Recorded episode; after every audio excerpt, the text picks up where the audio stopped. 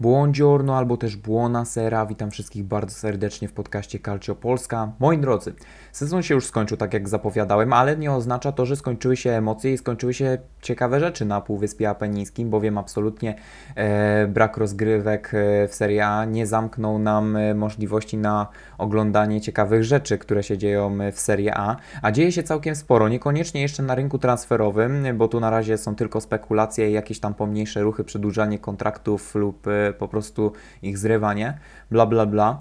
Natomiast co się dzieje w, na ławce trenerskiej, to jest prawdziwy kosmos, ponieważ e, w ostatnim czasie doszło do tak wielkiego przetasowania, tak niesamowitych ruchów, niesamowitych w ogóle powrotów na ławkę trenerską, ludzi, których, o których świat w zasadzie już zapomniał dawno. Wydawałoby się, że, że tak jest, a tymczasem dochodzi do spektakularnych comebacków na, ławce, na ławki trenerskie. No i żebyście nie czuli się skofundowani widząc niektóre twarze, no to postanowiłem, że nagram odcinek wyjaśniający. E, no i trochę zdradzę Wam, uchylę rąbka tajemnicy, kto gdzie się pojawił i jak oceniamy szanse tych ludzi na pozostanie na swoich e, stanowiskach i co mogą dać swoim klubom. No bo niektórzy swoim nazwiskiem wydaje się, że mogą dać całkiem sporo, a niektórzy wręcz przeciwnie. Ale, ale, żeby się dowiedzieć, musicie koniecznie wysłuchać tego odcinka, także bez zbędnego przedłużania zapraszam Was do w zasadzie można powiedzieć pierwszego odcinka nowego sezonu Serie A.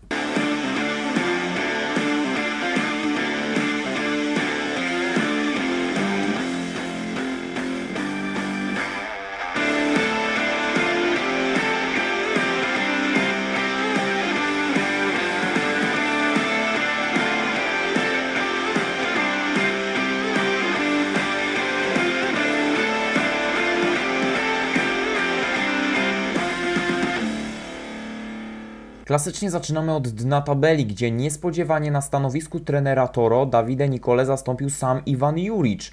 Skrajnie niezrozumiała decyzja ze względu na to, że Iwan Juric był w trakcie budowania świetnego zespołu, który zbliżał się do Ligi Europy. Stawiał swój pomnik w Ellasie, a teraz nagle przeszedł do podupadłego Torino. Inną istotną kwestią było to, że nic nie wskazywało na przeprowadzkę doświadczonego szkoleniowca.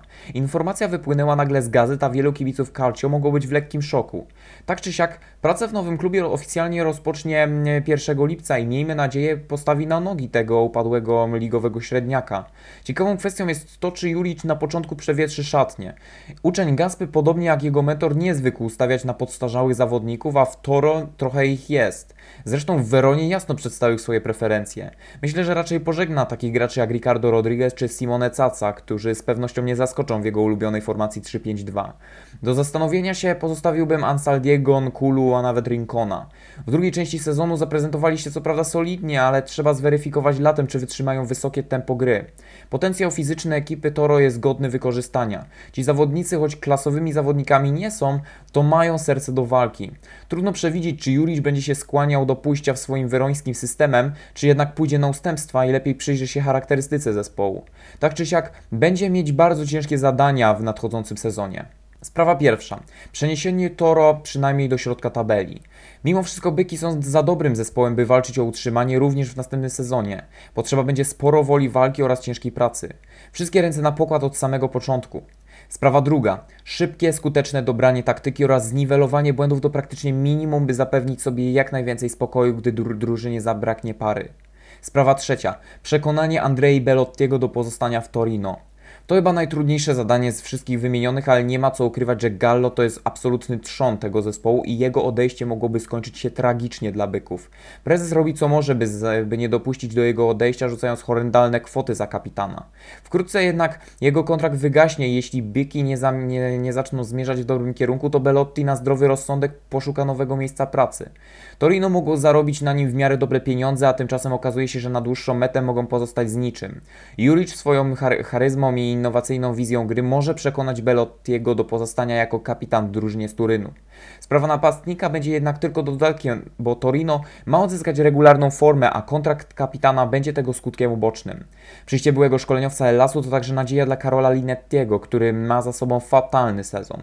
W związku z tym, że Juric jest zwolennikiem młodzieży na boisku, może być to duża szansa dla wciąż jeszcze młodego 26-letniego Linettego. Na dobrą sprawę w Sampie pokazywał, że ma talent i serce do gry, jednak brak pomysłu trenera na zespół byków ugruntował jego pozycję na rezerwach.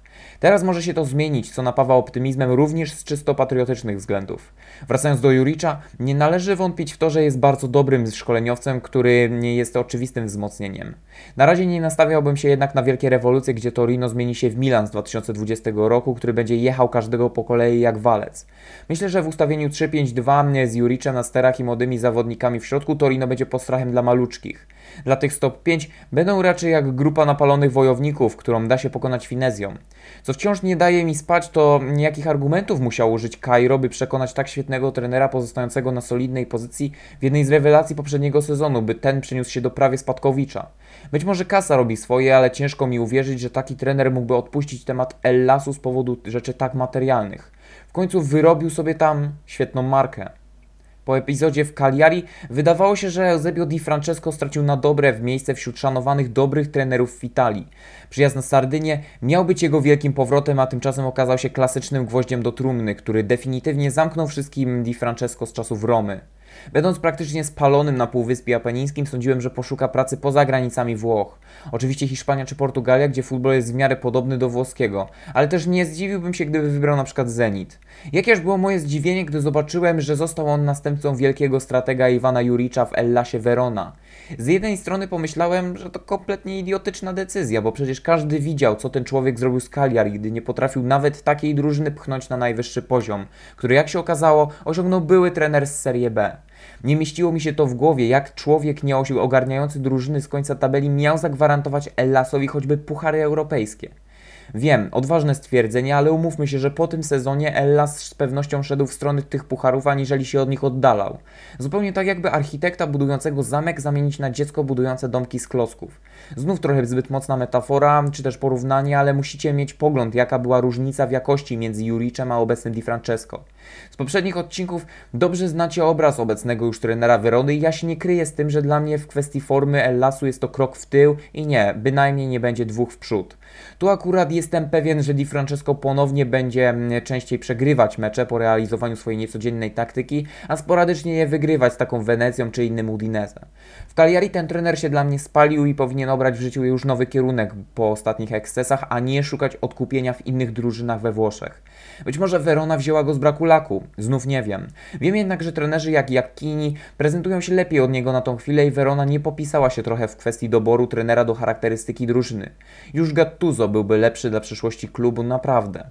Z tym klubem jest potrzebne szybkie, proste granie, inteligentne poruszanie się bez piłki, praca z zawodnikami box to box, a nie wymyślne taktyki, kolejne tiki-taki i sprawienie, że piłkarzom odechciewa się grać. Verona znana jest z bardzo szybkiego i charakterystycznego stylu gry podchodzącego pod Atalantę.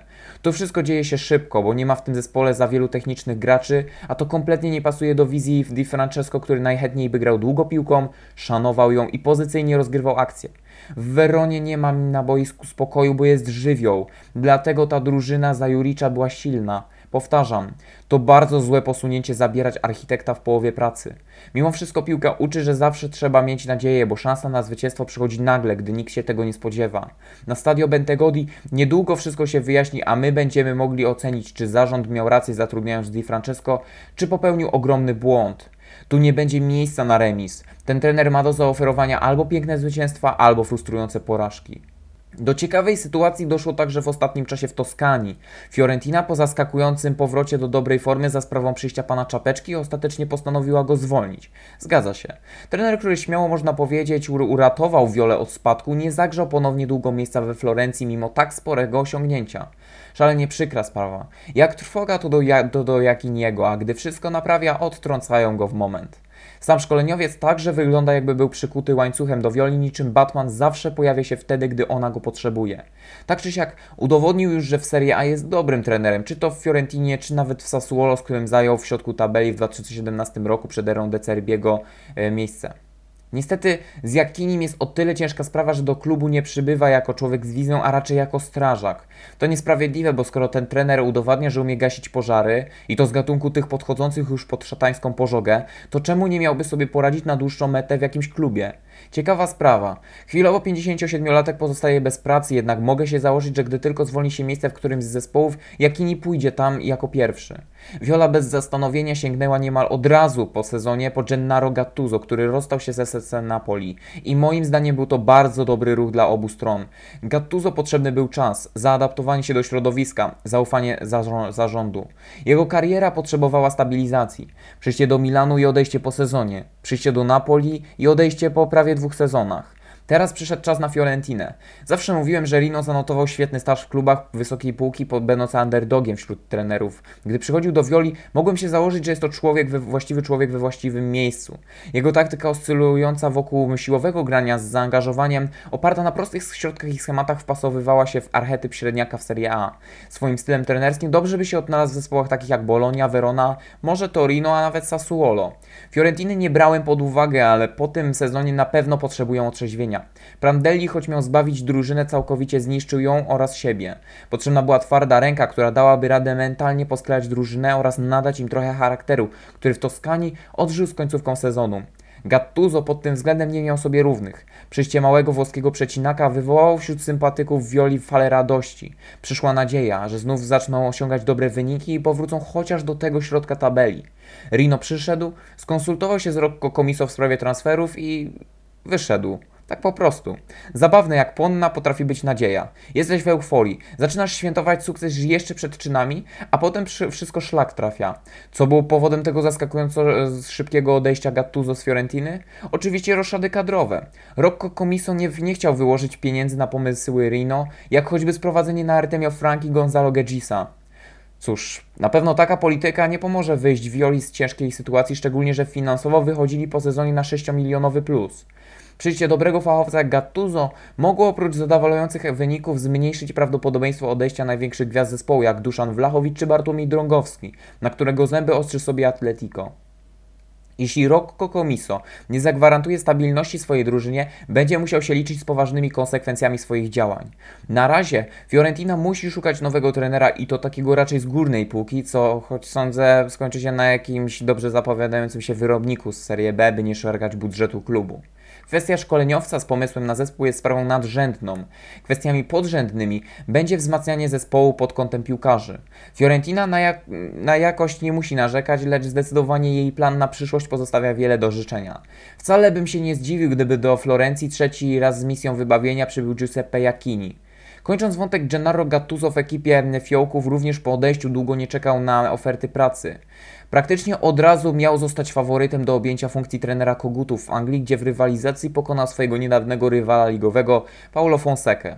Znów wściekły pies Italii mógł zrobić sobie nadzieję na korzystny dla niego dla jego kariery transfer, lecz tym razem na przeszkodzie stanęły pogłoski o jego rzekomej homofobii, nawiasem mówiąc nigdzie formalnie nieudokumentowanej. Mam na myśli, że nie było żadnego wywiadu, w którym obrażał mniejszości seksualne, ani też żadnej deklaracji. Poszła po prostu plota na podstawie źródła, no stary mówię ci.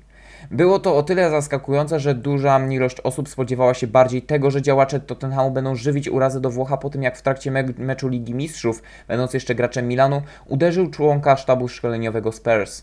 Tymczasem to rzekome plotki odsunęły Rino od prestiżowego stanowiska, na którym mógłby sobie dać radę, bo koguty, nie ukrywajmy, są w lekkim kryzysie.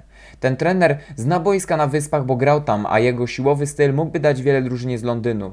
Nie ma jednak czego żałować i, i, i trzeba iść dalej przez życie w myśl zasady kto mnie nie chce, nie zasługuje na mnie. Po nosorożcu w Napoli pozostało puste miejsce i wielu myślało, że Azzurrich zastąpi go Sari, przypominając piękne czasy, gdy Neapolitańczycy święcili triumfy w lidze krajowej. Napoli po odejściu poprzedniego trenera nie wygląda źle, a potencjał zespołu jest dość spory. Największe gwiazdy wciąż były w formie, puchary były zapewnione, pomysł na zespół, na zespół był. Jedyne czego mogło brakować drużynie po sezonie to pewności w kwestii przyszłości. Liga Europy i stosunkowo długi okres bez większych sukcesów w Serie A mógł sprawić, że los, losy gwiazd jak Kulibali, Zieliński, Politano, a nawet Loro Insigne stanęłyby pod znakiem zapytania. O Senegalczyka ciągle walczy Manchester United. Barcelona czy Liverpool wykazuje zainteresowanie Zielińskim, a sytuacji kontraktowej Insigne przygląda się choćby Milan. Liga Mistrzów i miejsce w top 3 z pewnością utrzymałyby gwiazdę w zespole. Rino Gattuso nie udało się tego osiągnąć w poprzednim sezonie, gdy drużyna zawiodła go w kluczowym momencie. Założenie, że Mauricio Sarri przywróci drużynie, drużynę na wielkie miejsce było dość, no, jakby to powiedzieć, naiwne? Chyba tak to można określić. Oczywiście w pamięci można było mieć to drugie miejsce w lidze i piękne obrazki, gdzie na stadio jeszcze San Paolo śmigali Hamsik, Higuain, Jorginho, czy potem Mertens i Insigne z Allanem. Ale po epizodach w Chelsea i Juve można było się tylko zastanawiać, gdzie podział się ten świetny styl Sariego.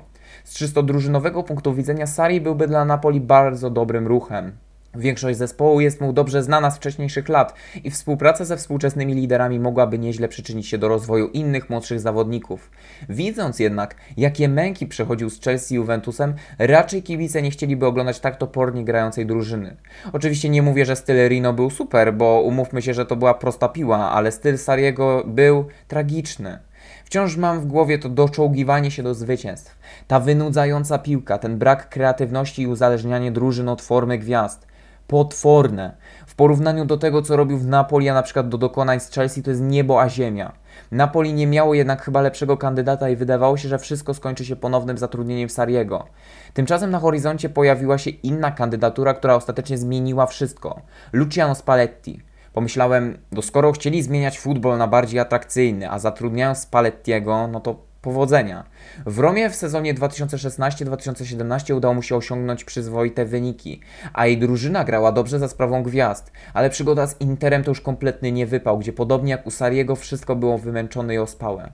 To trener, który osiągnie maks trzecie miejsce z drużyną, a przynajmniej w zeszłej dekadzie tak było. Na początku XXI wieku z Romą zdobywał drugie miejsca przy, przez trzy lata z rzędu za swojej kadencji, ale wiadomo to była inna Roma z Tottim, Tadeim, Giulio Baptistą, Cristianem Schiwu czy młodym Daniel Lederossim. Tamtejsze legendy wywindował na szczyt, ale upływający czas zrobił swoje i dziś raczej jest trenerem starej daty. Myślę, że kibiców Napoli w szybkim okresie czasu czeka duży przeskok w kwestii stylu gry, ale także zmiana formacji. Nie zdziwię się, jeśli wrócą stare czasy 4-3-3, a także długie klepanie piłki w środku pola. Oczywiście Azzurri mają graczy, którzy mają szansę odnaleźć się w tej ewentualnej koncepcji, ale między Bogiem a prawdą 4-2-3-1 to idealna formacja dla Napoli ostatnich lat. Po Spallettim wiele się nie spodziewam w kwestii Napoli. Będzie to cud, jeśli wyjdą wyżej niż na czwartą pozycję, a konkurencja wśród innych zespołów jest wysoka. To już nie są czasy bez Atalanty z Milanem w dołku, z, z niestabilnym Interem i Romą w gazie.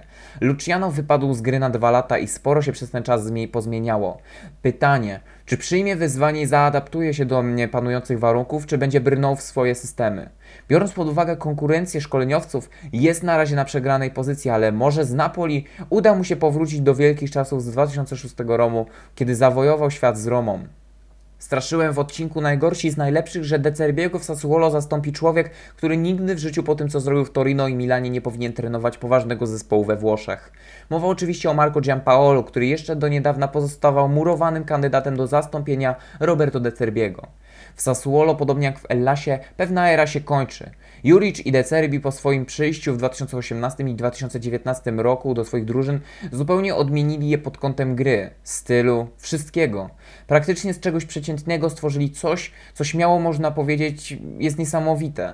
Teraz po dość, jakby na to nie patrzeć, krótkim okresie czasu odchodzą z miejsc, w których objawili swój talent w dość niecodzienne strony. Roberto De Cerbiego w Sassuolo dało się poznać jako młody trenerski talent. Jego typowo włoski, krewki charakter doskonale współpracował z taktyczną wizją swojego zespołu. Wydawało się, że od wielkich wyników dzieliła go jedynie niezbyt imponująca kadra pod kątem wielkich nazwisk. De Cerbi potrafił z szerzej nieznanych chłopaków bądź odrzuconych przez gigantów jak Berardi czy Locatelli utworzyć pierwszoplanowe postaci zespołu oraz całego Calcio. To on u wielu odkrył wielkie talenty, świetnie wplatając je w swoją taktykę.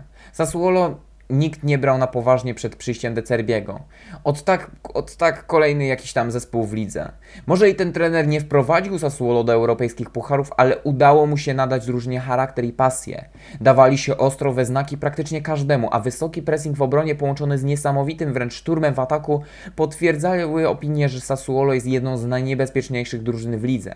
De Cerbi już sezon temu wzbudzał ogromne zainteresowanie klubów z górnej półki i wszystko wskazywało na to, że przyjdzie do zespołu stopki ligi. Tymczasem utalentowany Włoch wybrał dla siebie zupełnie inną ścieżkę kariery i wybrał, uwaga, Szachtar Donieck. Tego nikt się nie spodziewał! Jak przeczytałem informację, że człowiek odnoszący sukces w jednej z najlepszych lig Europy postanawia przejść do zespołu z Ligi Ukraińskiej, to trochę nie wiedziałem, czy się śmiać, czy płakać. Biorąc pod uwagę karierę Ranierego, przywykłem, że trenerzy wybierają po sukcesach dość dziwne kierunki, ale to był trener zbliżający się do emerytury, a nie trener z ogromnymi możliwościami w kwestii przyszłości. Jeśli nie umiecie dobrze sobie zwizualizować skali dziwności odejścia do Serbiego, to wyobraźcie sobie Marcelo Bielsę w Legii albo w Lechu. To podobna kwestia. Jeszcze bardziej absurdalnym ruchem był wybór nowego trenera, który musiałby przeskoczyć poprzeczkę zawieszoną bardzo wysoko. Nie ma wątpliwości, że Gianpaolo po swoich ostatnich ekscesach zamiast ją przeskoczyć, przeczołgałby się pod nią. W ostatniej chwili okazało się, że ten szkoleniowiec wciąż pozostanie bez pracy, co z pewnością mm, wielu kibicom, w tym także i mnie, sprawiło niemałą, nawet nie tyle radość, co ulgę. Potem jednak gruchnęła z nieba wiadomość, że Sassuolo zyskało nowego szkoleniowca. Wszyscy zacierali ręce, a potem zobaczyli imię i nazwisko następcy z De Cerbiego. Alessio Dionisi. No właśnie. Kim ty w ogóle jesteś, pajacu? No właśnie, już spieszę z odpowiedzią. Ten 41-letni jegomość to były szkoleniowiec Empoli. Tego Empoli, które właśnie awansowało z pierwszego miejsca do Serie A. Można powiedzieć, że szybko poszło. Ledwo się już dostali, a ich szkoleniowiec od razu dostał miejsce w jednym z najlepszych zespołów pierwszej ligi. Stosunkowo świeży człowiek w robocie, a jego CV nie jest imponujące. Praktycznie w każdym zespole, jaki trenował, utrzymywał się rok. Ciężko znaleźć jakiś inny punkt zaczepienia niż zwycięstwo ligi z Empoli w kwestii dawania sobie nadziei oczywiście. Nie ulega wątpliwości, że Sassuolo miało wszystko na tacy. Mogło sobie pozwolić na dobrego trenera, a tymczasem sięga po jakiegoś tam szkoleniowca z jakiegoś tam zespołu, z jakiejś tam ligi włoskiej. To jednak coraz bardziej nakreśla nam model podobny do De Serbiego. Młody, bo tylko rok młodszy od niego trener, z klubu z drugiej ligi włoskiej niczym się nie wyróżniającej. Staram się na siłę szukać pozytywów, bo Sassuolo to świetna drużyna o wielkim potencjale i jakoś nie chciałbym oglądać jej w roli drużyny o słabym stylu gry i znów przeciętnym miejscu w lidze. Wszystko jednak wygląda tak, jakby Sassuolo chciało stworzyć niemal idealną kopię swojego wielkiego szkoleniowca. Jednak czy da się dwa razy wejść do tej samej rzeki? Milan udowodnił, że nie, ale może Neroverdim się uda. Dionisi musi liczyć chociaż na pozostanie gwiazd jak Locatelli, Berardi Consili czy Boga. To zdecydowanie mu pomoże w wejściu na wysoki poziom. To już jednak działka zarządu, by zapewnić mu dobre warunki pracy. Może Dionizji będzie kolejnym pięknym wynalazkiem Calcio i zabłyśnie, mając do dyspozycji lepszych zawodników. Znów ciężko ocenić, ale z pewnością zachęca to kibiców do śledzenia poczynań Nero Verdi w następnym sezonie. Fanom Sassuolo nie pozostało nic innego jak życzyć De Serbiemu powodzenia na Ukrainie. Raczej nie ma co mówić, że sobie nie poradzi, bo nie ukrywajmy, ukraiński futbol nie jest tak wygórowany jak włoski, a taktyka Roberto powinna ze spokojem zdać tam egzamin. Nie zmienia to faktu, że tu we Włoszech trener miał zapewniony szacunek, wielkie pieniądze oraz spokój, a do Ukrainy prawdopodobnie udał się kompletnie niepotrzebnie, praktycznie na plac boju, zarówno piłkarskiego, jak i politycznego. Wiadomość o powrocie Jose Mourinho na Półwysep Apeniński wywołała falę zdziwienia. Po przygodzie ze Spurs wydawałoby się, że ten człowiek stracił już swój dawny pazur, a jedyne co po nim zostało to wspomnienia i nazwisko. Wielki trener po okresie spędzonym w Anglii otrzymał ofertę bycia ekspertem telewizyjnym w Katarze za kosmiczne pieniądze. Oczywiście przyjął ją, lecz jak słyszycie za biurkiem długo się nie utrzymał, gdyż pociąg do ławki trenerskiej okazał się silniejszy. Przed podpisaniem kontraktu z którąś z włoskich drużyn Jose Mourinho na konferencji prasowej powiedział, że sentymenty nie mają dla niego znaczenia, a swój zespół będzie prowadzić do zwycięstwa nieważne w jakiej sytuacji. Miała to być wiadomość dla kibiców Interu, gdzie The Special One miał wspaniały okres w latach 2008-2010, kiedy pomógł Nerazzurri w powrocie na szczyt, zdobywając potrójną koronę i pierwszą w historii Interu Ligę Mistrzów. Dokonał czegoś spektakularnego, a teraz, dając takie oświadczenie, niemal wprost mówił swoim wyznawcom, że jest w zasadzie tylko najemnikiem. To nie nastrajało pozytywnie fanów Interu, którzy obawiali się przyjścia Portugalczyka do innych odwiecznych rywali Milanu. Czysto analitycznie było to niemożliwe. Stefano Pioli miał przed sobą pewną pozycję w Rossoneri i sam Maldini mówił, że ojciec Pio pozostanie na kolejny sezon. O Atalancie nawet nie było mowy.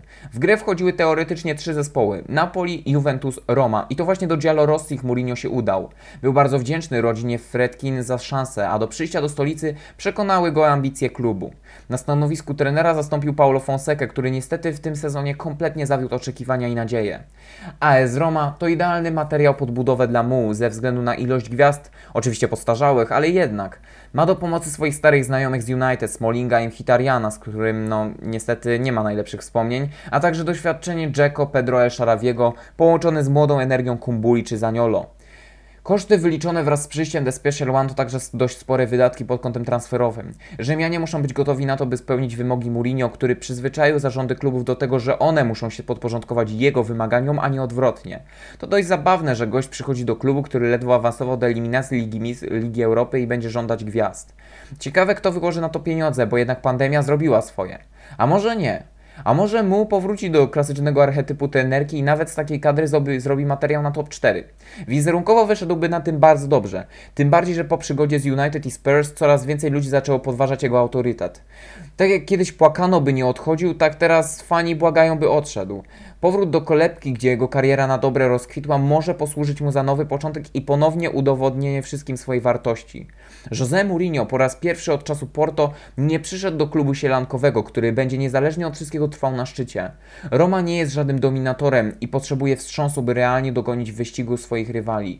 José może być takim właśnie impulsem, jak już choćby zważając na jego charyzmę, ambicje, wolę zwycięstw oraz więź, jaką przez wiele lat potrafił stwarzać między sobą a zawodnikami. Chociaż ten ostatni czynnik okazał się również decydujący, gdy odchodził z Tottenhamu. Piłkarze skarżyli się na to, że ich szkoleniowiec ciągle ich krytykuje publicznie. Aż ciężko było uwierzyć, że po pięknych obrazkach z Chelsea jego mit przyjaciela piłkarzy runął. Teraz jednak przyszedł dla niego dzień próby. Jak słyszycie, jest wiele plusów jego przyjścia, ale też wiele minusów. Najbardziej się jednak boję, że The Special One będzie chciał przerzucić schemat z Ligi Angielskiej do Ligi Włoskiej. Choć są to ligi ze światowego topu, są jednak też skrajnie inne. Oczywiście biorąc pod uwagę, kto ostatnimi czasy wygrywał Ligę Mistrzów, nie ma wątpliwości, że to Liga Angielska jakościowo jest lepsza od podstarzałej Ligi Włoskiej, ale czy ewentualne schematy tu zadziałają? Ciężko stwierdzić. To również ciągnie za sobą plusy, bo napełnieni doświadczeniem z Premier League Mourinho może podnieść jakość Ligi Włoskiej i zmienić jej system, tak jak przed laty uczynił to choćby Gasperini za Atalantą. Choć formalnie Mu nie, nie zaczął jeszcze pracować, to już wietrzy szatnie. Szeregi zespołu mają opuścić Jake Under i Paul Lopez. Brak miejsca dla Turka jest oczywisty, biorąc pod uwagę jego wahania formy oraz przyzwoite liczby w Leicester. Sprawa z Paul Lopezem jest mniej zrozumiała, bo Hiszpan był ostoją swojego zespołu, a tymczasem ma zostać przetradowany do Marsylii. Jego miejsce ma zająć Rui Patricio, co oczywiście sportowo jest świetnym ruchem, biorąc pod uwagę jego grę w Wolverhamptonie, a także na Euro. Mówi się także o przyjściu Szaki. Mu wszedł i zaczął kręcić, tak jak on lubi. Mówiąc jednak o statystykach, Mu i mm, Fonseca są identyczni. Spośród wszystkich ich meczy 52% z nich stanowiły zwycięstwa. Czysto liczbowo można zatem określić wymianę Fonseki na Mu sformułowaniem wymienił stryjek siekierkę na kijek. Wracając jeszcze na koniec do Paulo Fonseki, nie ma jeszcze pewności w jakich barwach maluje się jego przyszłość. Styl gry jaki prezentował w Romie był dnem, ale zupełnie bym tego szkoleniowca nie skreślał. Może skusi się na niego jakiś hiszpański zespół? Nawet by pasował do stylu gry z Półwyspu Iberyjskiego po zawodnika grających w Rzymie za jego kadencji widać, że preferuje współpracę z piłkarzami właśnie z tego regionu. Ciężko jednak szukać pracy u najlepszych w Hiszpanii. Real Madryt to chyba za wysoka półka, a Barça i Atletico mają obsadzone ławki. Może Fonseca dobrze by się odnalazł w Walencji, gdzie gra sporo jego rodaków, a na dodatek presja nie byłaby zbyt duża. Nietoperze potrzebują odbić się od dna i wzlecieć do środka tabeli, a taki trener pomógłby im tego dokonać. Myślę, że dobrym kierunkiem byłby tak, byłaby także Francja, na przykład Olympique Marsylia, który po masakrycznym sezonie bardzo potrzebuje jakościowego trenera, który zagwarantuje im pomysł na drużynę, a także regularną formę, zamiast ciągłych wzlotów i upadków. Najgorszą opcją byłby powrót do Portugalii, do jakiejś Bragi czy Sportingu, ale wątpię by to się stało. Fonseca mimo wiadomego sezonu w Romie jest jeszcze w stanie dać coś wielkim markom. Niekoniecznie tym najwyższym, ale właśnie tym najgorszym z najlepszych lub dawno upadłym. Biorąc pod uwagę wymianę mu na Fonsekę, można dojść do wniosku, że obaj szkoleniowcy mają szansę odbudować upadłych gigantów. Trenerskich transferów między wielkimi rywalami w Serie A było całkiem sporo. Pionierem w tej kwestii jest raczej Milan, który pozyskiwał choćby Sinisza Michajlowicza, trenującego dawniej Inter, czy Stefano Piolego, również mającego na tapecie Nerrea Zurich. Rossoneri potrafili oddać także Massimiliano Allegriego do mm, Juventusu.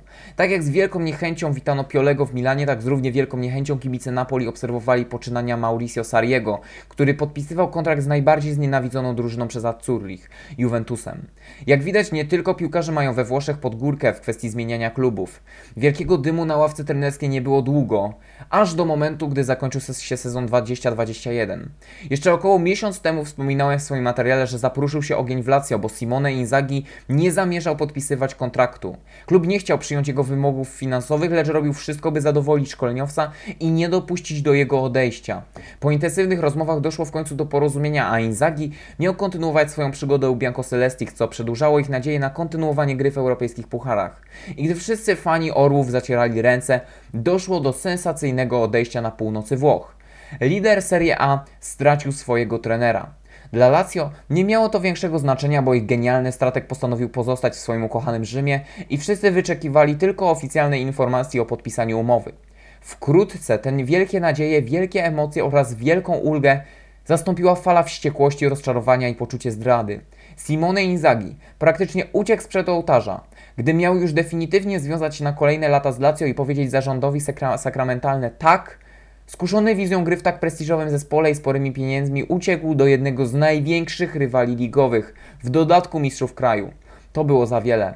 Inzaghi niemalże jednym podpisem praktycznie zamazał całą sympatię fanów Lazio, głęboko wierzących w kolejne lata na szczycie. Myślę, że lepiej by znieśli już odejście do innego zagranicznego klubu, ale powtórzę to jeszcze raz.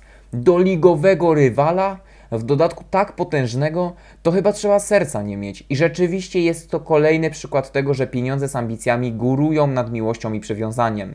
Inzaghi mnie rozczarował swoją postawą. Praktycznie splunął kibicom w twarz, wypiął się na nich, oszukał ich, zdradził.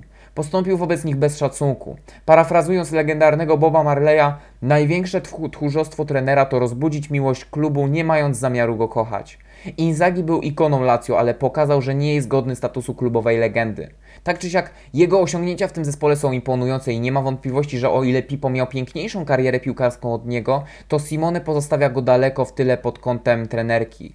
Praktycznie co roku, odkąd zaczął poważną pracę w Lazio, zaprowadził ich do europejskich pucharów.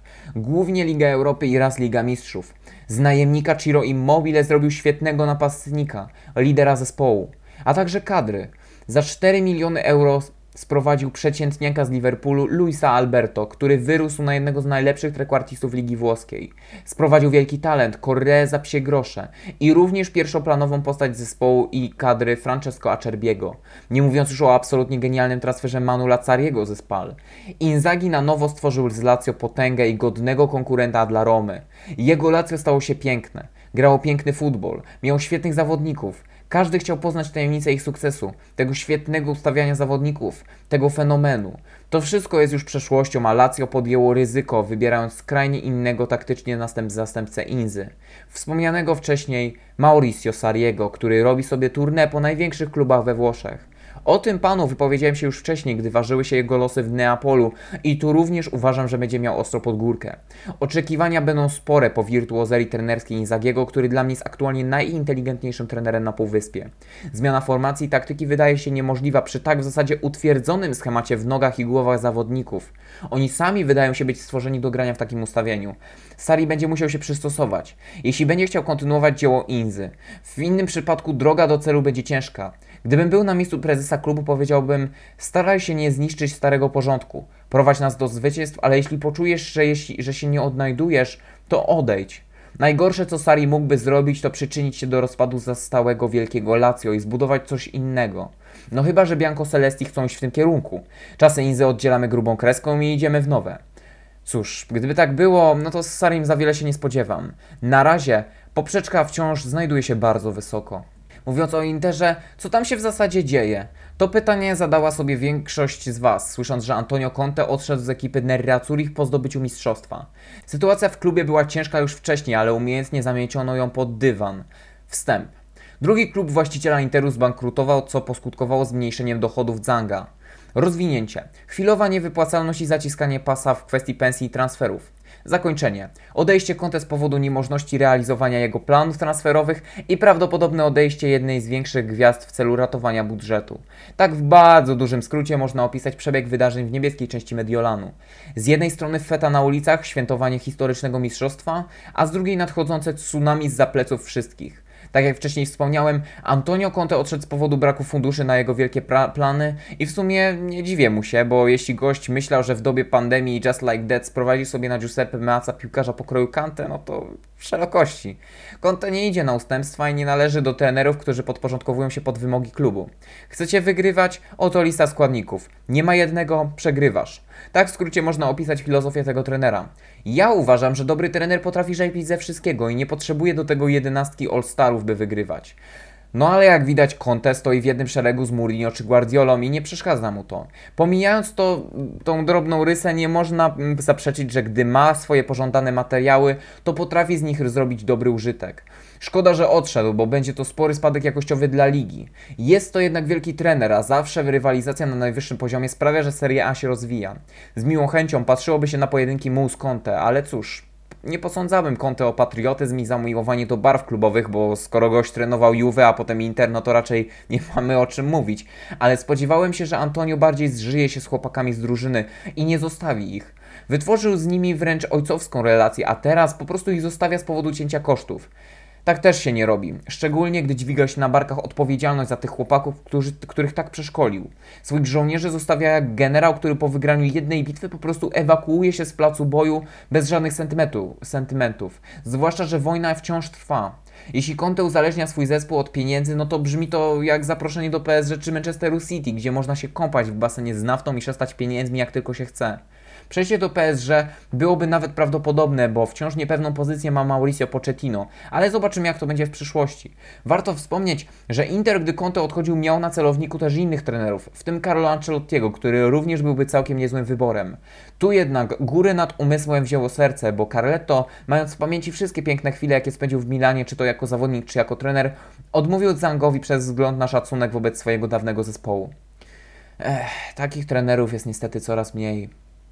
Tak czy siak, mówiąc o Simone Inzagim, dla Interu jego przyjście to manna z nieba. Oczywiście wirtuoz taktyki, świetny strateg, inteligentny trener, niestety bez tak dużego wpływu mentalnego na drużynę jak Conte. Umiejętności to jedno, ale jak go przyjmie drużyna to drugie.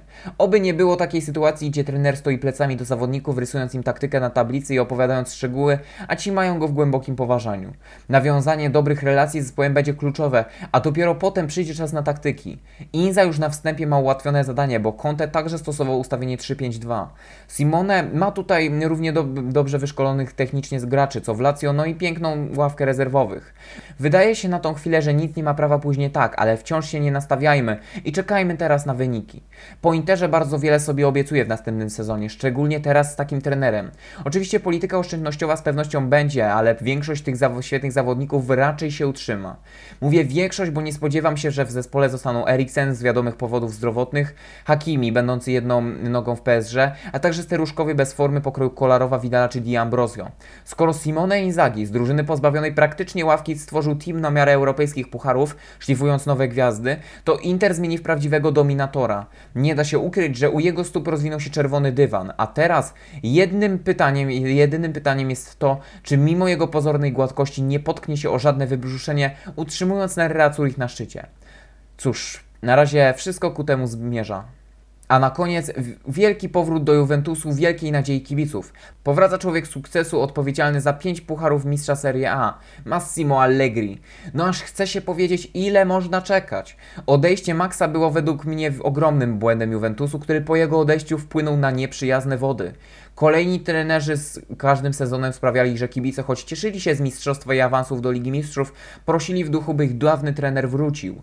Juventus wtedy nie był mistrzem, on był dominatorem, miażdżyli wszystkich równo i fakt, że wtedy nie było tej pięknej Atalanty, odrodzonego Milanu, fanatycznego Interu oraz obłędnego Lazio, to, ale Juventus z tamtych lat ze spokojem dawał sobie radę z każdym.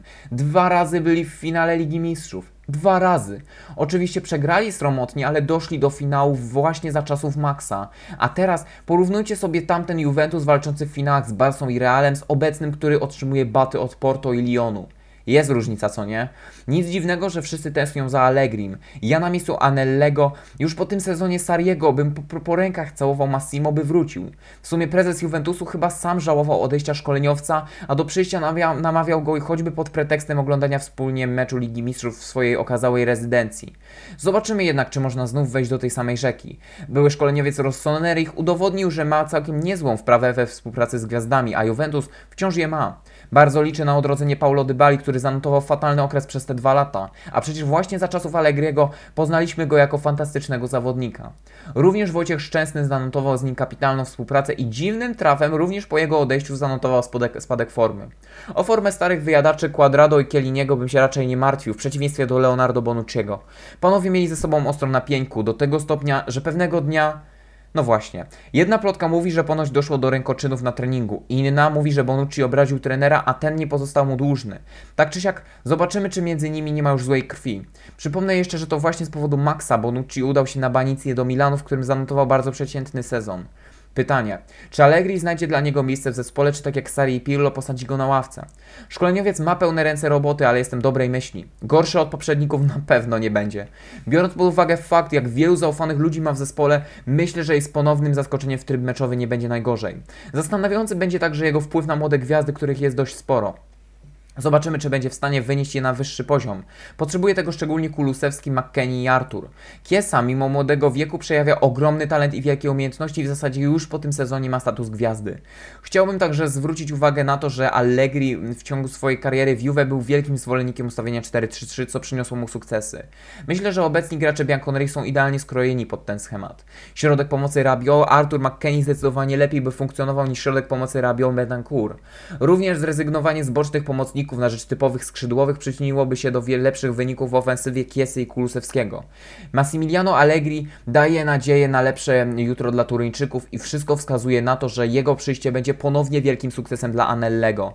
Z niecierpliwością czekam na rozpoczęcie nowego sezonu i zobaczenie tego wielkiego trenera na ławce rezerwowych. Ciekawi mnie też to, czy Allegri do Juventusu wrócił z powodu opcji, braku opcji wyboru po stronie włodarzy, czy Juve tak bardzo chciało kibicom przywrócić wizję Turynu sprzed lat. Jak wcześniej wspomniałem, futbol we Włoszech się zmienił, a trenerzy, którzy choć na chwilę wypadli z tej karuzeli, mogą mieć trudności z wejściem w to nowe środowisko.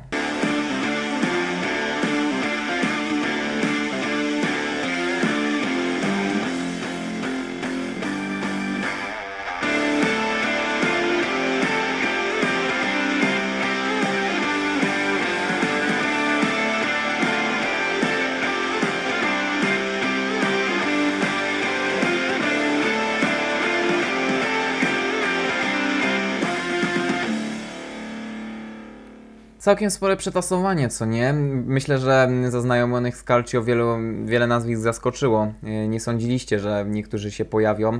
Ja szczerze mówiąc byłem bardzo zaskoczony, szczególnie zaskoczony ruchem e, po pierwsze Simone Inzagiego, który praktycznie wypiął się na e, swój ukochany klub, w którym praktycznie spędził większość kariery, czy to piłkarskiej, czy trenerskiej. No i przede wszystkim zdziwiony byłem tym, że Jose Mourinho zdecydował się powrócić na ławkę trenerską, no i też do Włoch Gdzie odniósł y, wspomniane wcześniej wielkie sukcesy. Myślę, już raczej w wielkiej przyszłości mu nie wróżyłem, biorąc pod uwagę to, co robił y, w Tottenhamie i Manchester United, kiedy już stał się wręcz karykaturalny. Ale okej, okay. takie otrzeźwienie też będzie potrzebne wielu trenerom, no i ten sezon pokaże, że niektórzy dostali swoją szansę odkupienia i muszą dołożyć wszelkich starań, żeby ponownie um, pokazać swoim fanom, po, ponownie pokazać w ogóle, w ogóle calcio społeczności, że są wciąż wielkimi trenerami i nie należy ich skreślać po być może krótszym, być może dłuższym, słabszym okresie. Jak widzicie, zmiany, zmiany, zmiany. Teraz wyczekiwać tylko ruchów transferowych w kwestii piłkarzy. Ja na razie Wam dziękuję bardzo za wysłuchanie tego materiału. Mam nadzieję, że odcinek Wam się podobał. Zachęcam do zaobserwowania podcastu Calcio Polska. Za niedługo pojawią się kolejne materiały. Zobaczymy, co stanie się na rynku transferowym w kwestii piłkarzy. Póki co życzę Wam wszystkiego co najlepsze. Arrivederci.